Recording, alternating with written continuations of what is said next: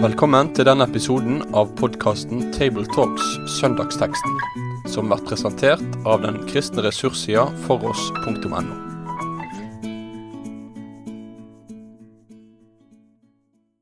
Ja, velkommen til en samtale vi skal ha her. Tre stykker sitter rundt bordet. Asbjørn Kvalbein, Svein Granerud og Egil Sjåstad. Det er meg. Og eh, vi skal ha samtale over teksten for første søndag i faste, som da i 2020 nå er 1. mars. Og den eh, teksten er kjent for mange fra barneskolen, iallfall de som er litt oppi åra, husker det. Og her kommer den i Matteus 4, 1-11 i Jesu navn.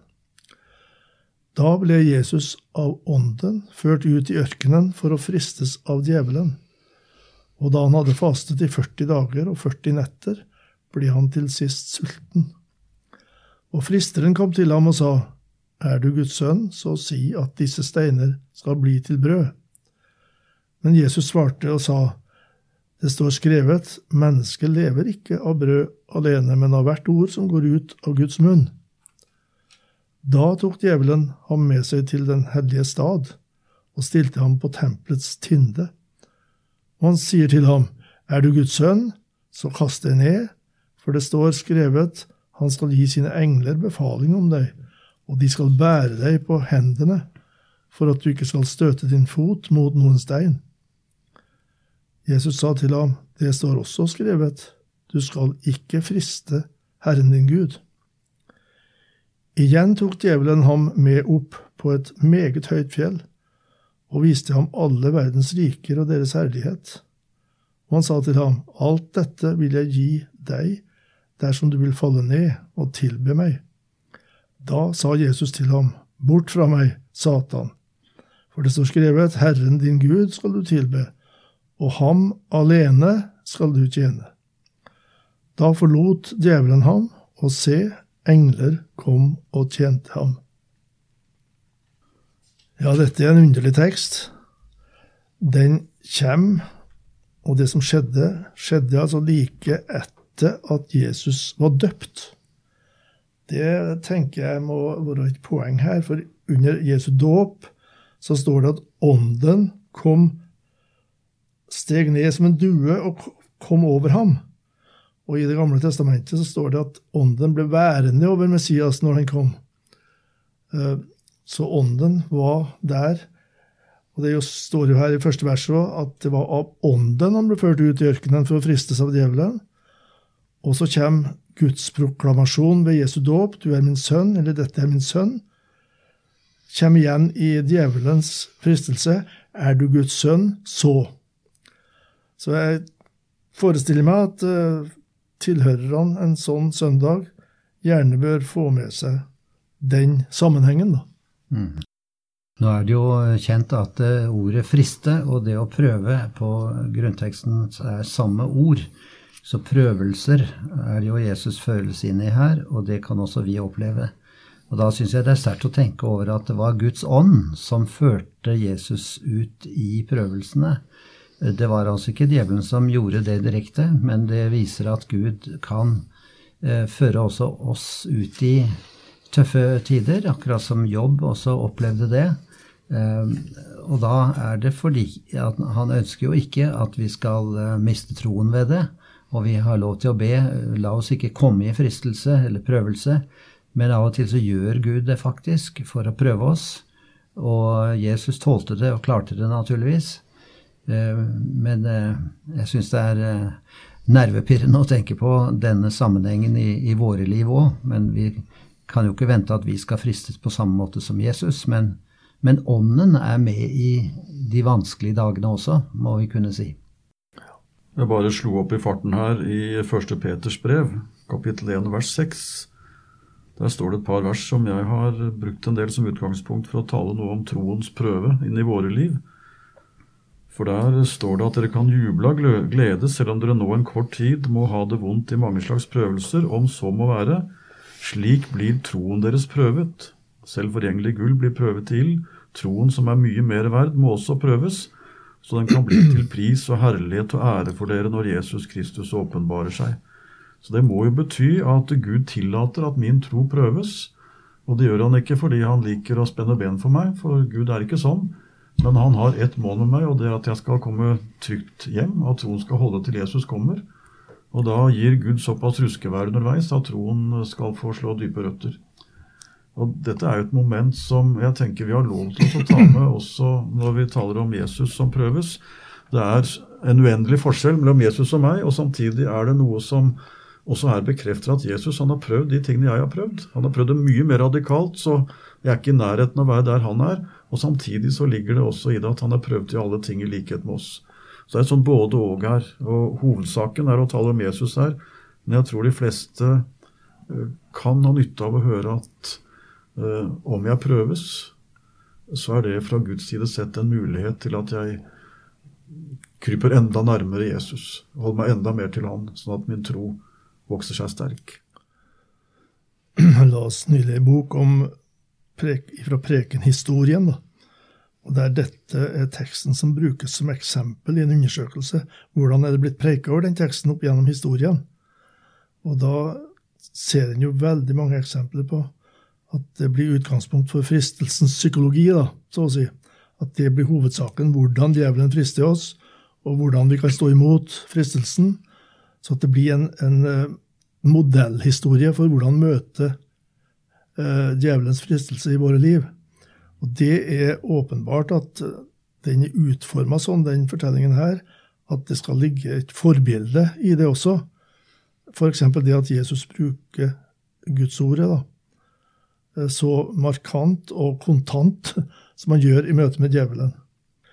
Men Luther og Grundtvig er to av eksemplene i historien på at eh, det blir Jesu kamp med djevelen og Jesus seier over djevelen som blir det ene eh, fundamentale i preika. Og det andre det kommer bare som et bimotiv. Eh, jeg tror det er et poeng i det, altså at vi skal huske på at dette er en tekst om Jesus, ikke om oss. Men det er en tekst om Jesus for oss, ja. på veien fra dåpen til korset. Djevelen ville hindre Jesu vei til korset, og han lyktes med det, så kunne Jesus hatt stor innflytelse, makt og stor rolle i verden, men ingen frelse for oss. Ja, det var Ja, altså hvordan ble han prøvet? Eh, det var vel tre ting. ikke sant? Det første var jo rett og slett ved å begynne å spise, fordi at eh, han var jo skrubbsulten. Det er nesten ufattelig at man kunne faste i 40 dager og 40 netter. Det måtte jo være spilt på disse 40 dagene i ørkenen, og det er et hellig tall på en måte. Men altså det første, at han eh, var sulten, og at han kunne jo forandre stein til brød hvis han ville, men så svarer han kontant med et bibelord. Vi lever ikke bare av brød, men av hvert ord. Og det andre, dette med at man eh, kan bli stående uskadd hvis man tror på Gud. Kast deg ned herfra hvis du eh, tror på Gud. Men så sier han jeg skal, du skal ikke sette Herren i Gud på prøve. Altså han misbruker Guds bud og løfte, eh, djevelen, når han sier at eh, englene skal eh, bevare ham fra å snuble fra enhver stein. Og det tredje er jo spørsmålet om makt. Hvis du tilber eh, meg, sier djevelen, så skal du få alt i denne verden. Og dette med makt det er jo liksom et høydepunkt i fristelsene, sånn jeg oppfatter det og kanskje det som ødelegger mest i denne verden, mennesker som faller for makt, maktmisbruk. Eh, og Jesus står imot. Han vil ikke ha makt fra djevelen. Han vil ha den fra Gud, sin far. Og djevelen er ikke over Jesus. Det er jo det som ligger i det. Herren din Gud skal du tilbe, og ham alene vil du tjene. Nå tok jeg en lang oppsummering her av dette, men det er mye å kommentere her. Ja, det er mange trekk ved de svarene Jesus gir, som også er tankevekkende. Eh, F.eks. at mennesket lever ikke av brød alene, men av hvert ord som går ut av Guds munn. Da blir det jo viktig for oss å ha forbindelse med miljøer der Guds ord blir forkynt, og sjøl ta til oss Guds ordet, hvis vi vil overleve som kristne. Så Det går an å komme så konkret inn i sjelesorgens verden, kanskje. Jeg har også grubla en del på hvorfor det er blitt sånn at djevelen og Satan så sjelden dukker opp i vokabularet til forkynnere. Jeg gikk gjennom Luthers store katekisme en gang og fant ut at der er djevelen som begrep brukt 70 ganger. Og, og i salmene hans også er verdens fyrste vred, om, om verden full av djevler var. Så det, det har skjedd noen ting i de siste tiåra, kanskje, som har gjort at vi demper de aspekt ved den kristne tro som kan oppleves mest anstøtelig. Så lar vi djevelen bare bli en betegnelse som folk bruker ved bannskap, og tar ikke på ramme alvor at han er en person. Det er ikke bare øh, ond, en ond åndsmakt sånn generelt, men det er, en, det er en person som er i, i kamp med Gud, og som gjennom denne historien her led et foreløpig nederlag, og gjorde det fullstendig på korset. Ja, du mener det, Svein? Nei, det er mye her, gitt, som man kunne ta fram. Eh, På Bibelens første blader så møter vi han som Paulus i romerbrevet kaller den første Adam. Og han lyttet til en røst, han også. Og det gikk galt. Og så må Gud sette i gang det frelsesprosjektet som han nok hadde i tanke enda før, underlig nok. Og så sender han altså en som skal komme og gjøre det den første Adam ikke gjorde. Nemlig å avvise den røsten som førte menneskeslekten ut på den lange vandringen i ørkenen. Eh, Og det er altså i ørkenen, i ødemarken, der hvor vi havnet etter at vi ble kastet ut i det fellesskapet vi var med Gud i hagen. Det er i ørkenen som Jesus eh, får den samme røst å prøve seg på som eh, den første Adam ikke klarte å motstå. Han, måtte, han gjorde som røsten sa. Så bare det er jo en spennende tanke, da, å lese Romerne 5 blant annet, om at Jesus han står der vi falt. Og så minner han altså oss om, om at vi har ikke, slik Paulus skriver også, at vi har egentlig ikke en kamp imot kjøtt og blod. Heller ikke mot uh, oss selv, men vi har kamp mot en kraft utenfra. Og på den ene side er det viktig, som Egil sier, at vi da får synliggjort at det er uh, djevelen, en personlig ond åndsmakt, som vi kjemper mot. uh, Sånn at ikke vi tar det ned til noe smått og ufarlig. Og Samtidig er det faktisk også noe sunt og frigjørende ved å vite at den viktigste kamp, den kjemper jeg mot en utenfra. Altså det, er, det er to røster som kaller på meg. En som sier eh, 'Har Gud virkelig sagt?' og en som sier 'Det står skrevet'. Og Jeg må velge hvilken av disse to røstene jeg skal høre på. Og ondskapens kilde, den er ikke i meg, men jeg er hærtatt av en som vil meg vondt. Og så må jeg velge hvilken røst jeg lyder på. Så du vet, vi kan dra opp virkelig store lerretet her, og kanskje vi skal i hvert fall gi folk en liten anelse om at det er et stort drama vi er vitne til. Jeg tenker også på det gamle uttrykket i predikanter brukte før, da, og eh, vi finner det i, i eh, den lutherske teologien. eh, At vi har tre erkefiender, djevelen, verden og vårt eget kjød. Og at de tre står i en allianse, og at eh, det er for å forløse oss ifra våre synders skyld og fra syndens og dødens makt at Jesus er kommet. Og da klarer ikke de fiendene å knugge oss og holde oss unna veien til himmelen. Da. Det, djevelen er en del av dette store feltet når eh, vi lever som kristne, der kampen står. I, i Efeserbrevet 6 så er jo dette et hovedmotiv. At vi har ikke kamp mot kjøtt og blod, men mot makter og myndigheter, som er da djevelens uh, da. Mm. Uh, og som vi gjennom Jesus seier har seier over. Det er en eh, boktittel jeg tenker på som heter 'Mennesket mellom maktene'. Og det syns jeg det presenterer akkurat det vi snakker om her. At det er en kamp mellom Gud og Satan, mellom Jesus og djevelen. Og i den kampen, som er virkelig tøff, det ser vi jo her, så har altså Jesus seiret. Og han har den foreløpig seier her. Djevelen forlot ham.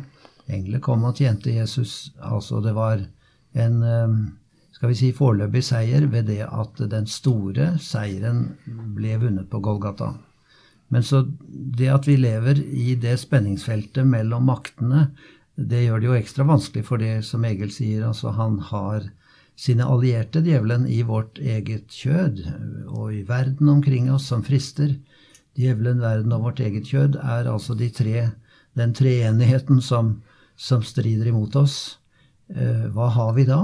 Vi må gå og ta på alvor det ordet som Jesus har, og som han har lært oss til hele tiden, å leve i ordet og bruke ord.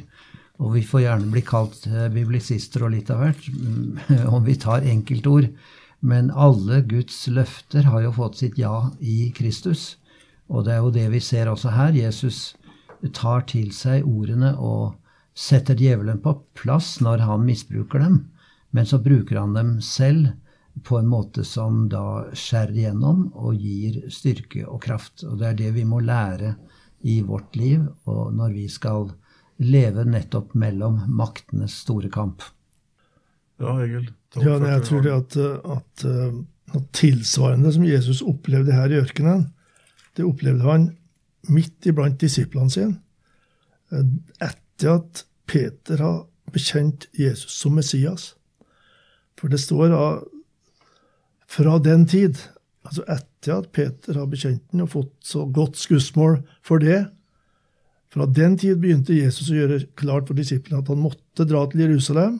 Han måtte det. Det var altså da veien på en måte starta ved Jesu dåp, som den lidende tjeneren på vei til korset. Og så tok Peter ham til side og ga seg til å irettesette ham. Det står det. Og sa, Gud, fri deg, Herre, det må aldri skje deg. Der er tilsvarende fristelse, som djevelen gjorde. For han sier Jesus rett ut, vik bak meg, Satan. Og Da repeterer Jesus det han sa i ørkenen. For gjennom Peter så kom denne fristelsen til å vike av ifra korsveien. Det er flott det der, gitt. Bare, bare vende tilbake enda en gang til dette med djevelen, verden og vårt eget kjød. Ja, det det. Egil. Det er disse tre som står mot hverandre. Eh, Det fins nok tradisjoner innenfor kirkens historie som har eh, løftet djevelen fram på en måte som, eh, som har ikke vært sunn, tror jeg. Det har vært litt sånn hva skal jeg si, ikke djeveldyrkelse, men djevelbeskrivelse som nok har gått utover Skriftens. Men å la djevelen falle bort, det er skumle saker. Fordi da blir jeg stående igjen med kampen mot mitt eget kjød. Og en del, en del forkynnelse har nok eh, da en tendens til å havne i moralismen. For mitt eget kjød kan jeg på en måte kjempe mot. Jeg kan tukte det og sette grenser for det og oppnå en del framgang også i kampen mot det i meg som jeg ikke liker.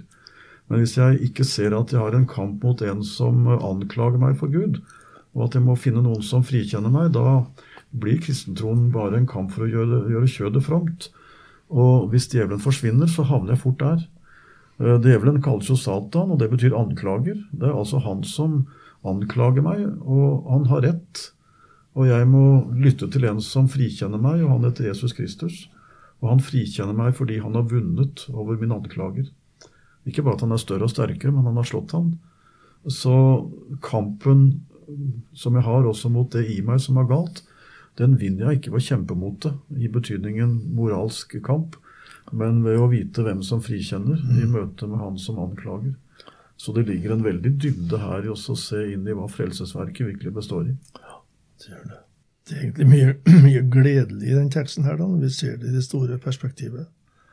At vi får ha en Jesus som går ved vår side og leder vår gang, og som har faktisk overvunnet den onde, og kan føre oss helt fram. Det syns jeg er stort, altså. Jeg har også tenkt litt på det der eh, mot slutten her av, av den tredje fristelsen, da. Det står skrevet 'Herren din Gud skal du tilbe', og ham alene skal du tjene. Kristen etikk, det er faktisk Det starter der, da. vi får inntrykk av at kristen etikk det har med vår måte å leve på i denne verden. Men første budet, du skal ikke ha andre guder enn meg. Og her står det, Herren din Gud skal du tilbe. Så det, det er her vi møter innersida av troslivet og gudsfrykten. Og det hører også med på prekestolen, da. Det gjør det. Ja, du vet, dette er et gjenklang av dette som står allerede ved Moses, at vi skal elske Herren vår Gud av hjerte, sjel og sinn, og ikke sant, mm. hele oss, alle sider ved oss. Og mm, her er det jo en korrigering også til vår tid som er så skal vi si, subjektivt opptatt av min tro, mine følelser, hvordan jeg har det. Altså det å få en sann gudsfrykt, det er jo det som er eh, nøkkelen for oss. Og ham alene skal vi tilbe, ham alene skal vi tjene. Eh, det, det er så viktig å minne om. For eh, hvis ikke Gud kom på førsteplass, så blir det så mye galt i vårt liv. Det faller fra hverandre. Men han må få tale til meg om mine synder, og han må få komme med det frigjørende ordet eh, som setter meg fri til å leve som en disippel etter han. Det, det er viktig å si igjen og igjen. Mm, ja. ja, ja. Nei, dette er mye flott, altså.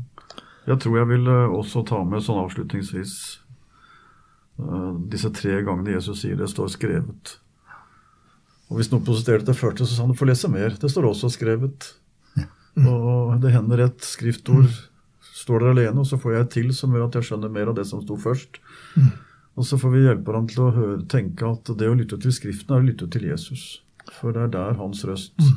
lyder. Så det å omgås Bibelen, det er å lytte til Jesus. Sånn at når jeg kommer i fristelser, så, så kan jeg tenke på boken, men jeg kan også tenke på han. Den gode hyrdes røst. For eh, når en røst frister, så får jeg tenke at det er en annen røst som sammenligner meg med en sau. Og sauenes hemmelighet er at de hører hyrderøsten ofte. Og da går de ikke vill. Og sånn får vi også tenke. Vi får ligne på sauene som hører den ene røsten ofte nok til at de vender rygg, eller hodet til og ørene bort når andre røster lyder. Ja, og da får vi oppmuntre våre tilhørere til å følge etter Jesus akkurat på det punktet.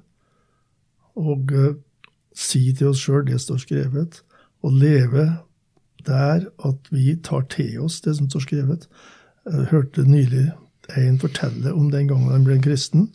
Første tida, sa han, jeg leste og leste Nye testamentet flere ganger gjennom, og det var så berikende for meg. Eh, det åpna seg en ny verden, stadig nye aha-opplevelser, og korrigerte hele mine trosforestillinger fra før, og jeg fikk begynne på veien sammen med medkristne. Det går an i dag også, at det skjer. At vi tar til oss av Guds ord og opplever at det faktisk ved Guds ånd blir stort for oss og viktig for oss. Og da er det kanskje det vi kunne avslutte med i dag i samtalen. Men du som lytter, og du som skal preike, du må gjerne lese teksten flere ganger gjennom og gruble videre, og kanskje noe av det vi har sagt, har gitt deg noe til ettertanke. Med det sier vi takk for følget for denne gang. Finn flere ressurser og vær gjerne med å støtte oss på foross.no.